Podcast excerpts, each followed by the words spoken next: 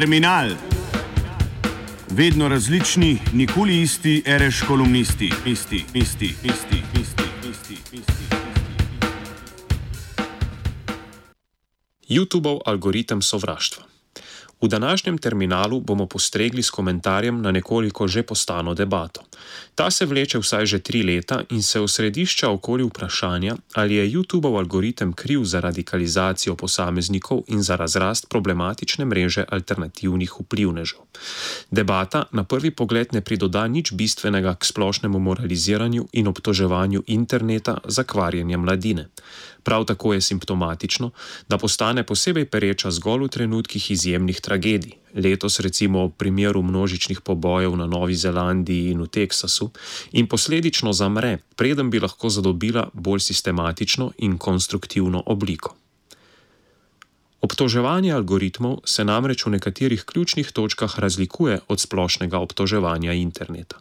Algoritemsko sovraštvo namreč nima nič skupnega s sovraštvom, ki nastane kot produkt anonimnosti in občutka privatnosti in domačnosti, zaradi katerega nam na internetu, podobno kot v osebnih avtomobilih, lažje popustijo zavore glede izražanja negativnih čustev do okolice.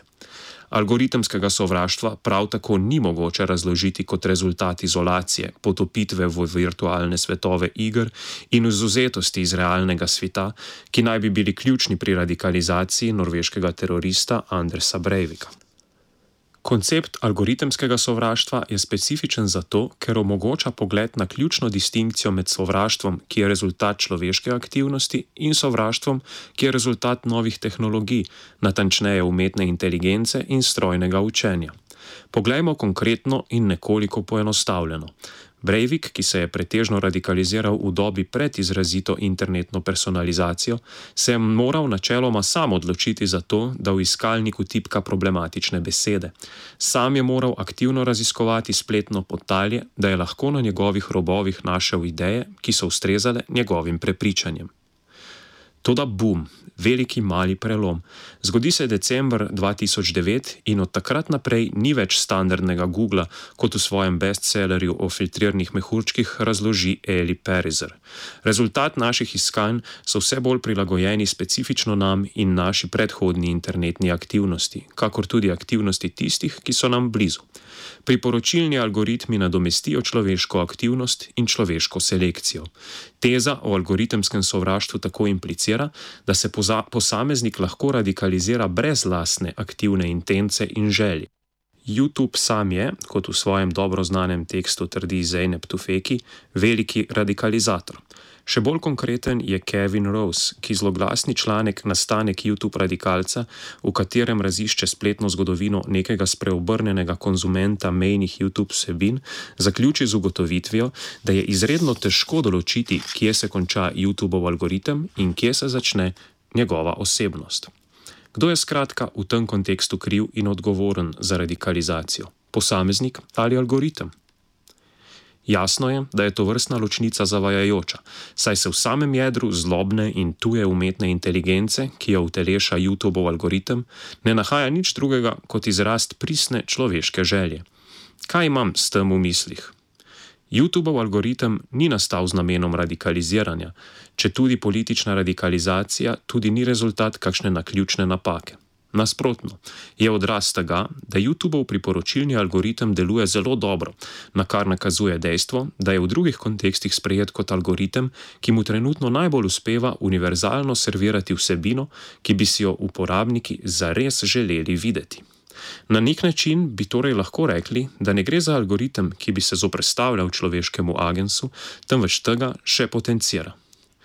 Tudi če pogledamo genealogijo njegovega nastanka, ta nikakor ne izraža prikrite želje reakcionarjev iz Silicijeve doline, ki naj bi nameravali prek zlorabe umetne inteligence skrivaj zavajati manipulirane mase, temveč pristno željo potem, da bi algoritem zadovoljil želje uporabnikov in posledično seveda omogočil lažjo monetizacijo prek prodaje oglasov.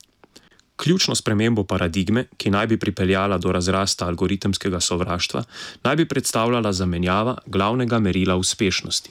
Namesto števila ogledov, ki so zlahka zmanipulirani s clickbait naslovi in privlačnimi slikami, je začel algoritem bolj staviti na čas gledanja, ki naj bi bil boljši odraz zadovoljstva uporabnikov z določeno vsebino.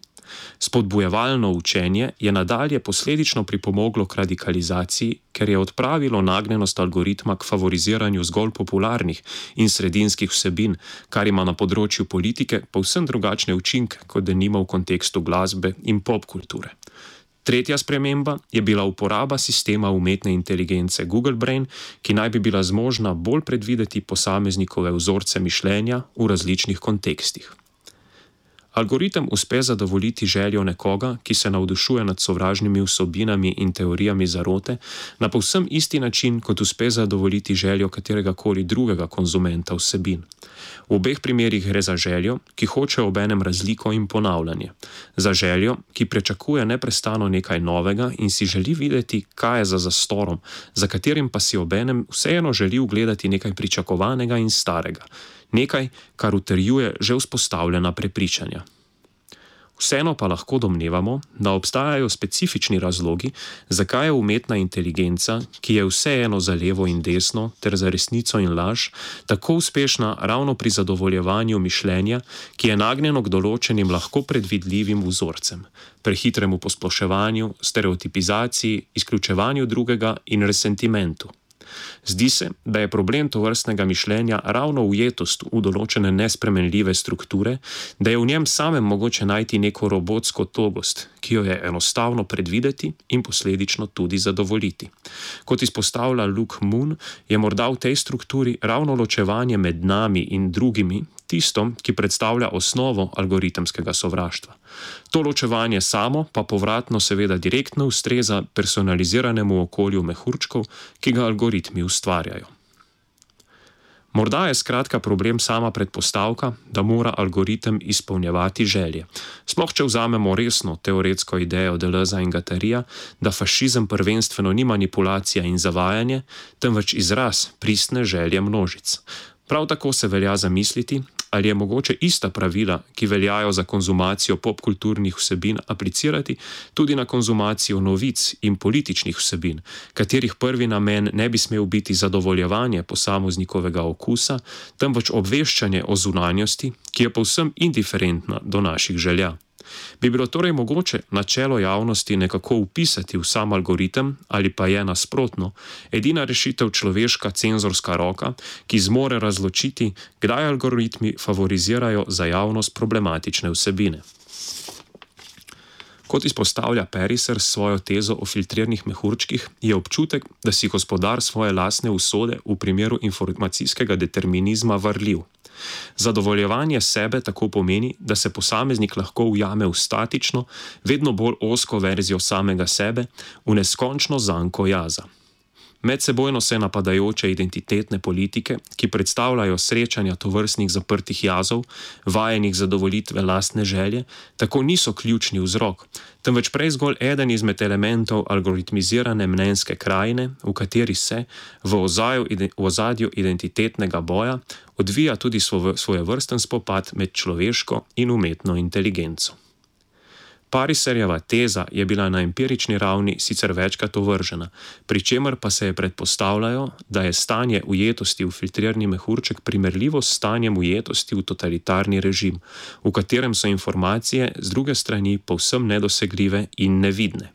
Vse bolj pa se kaže, da glavni problem filtriranih mehurčkov ni popolna informacijska izolacija, temveč prej specifičen spoj med posameznikovo željo in določenim tipom političnih vsebin.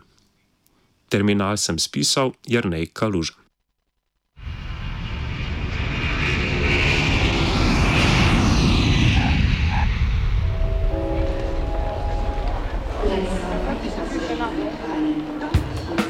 Terminal.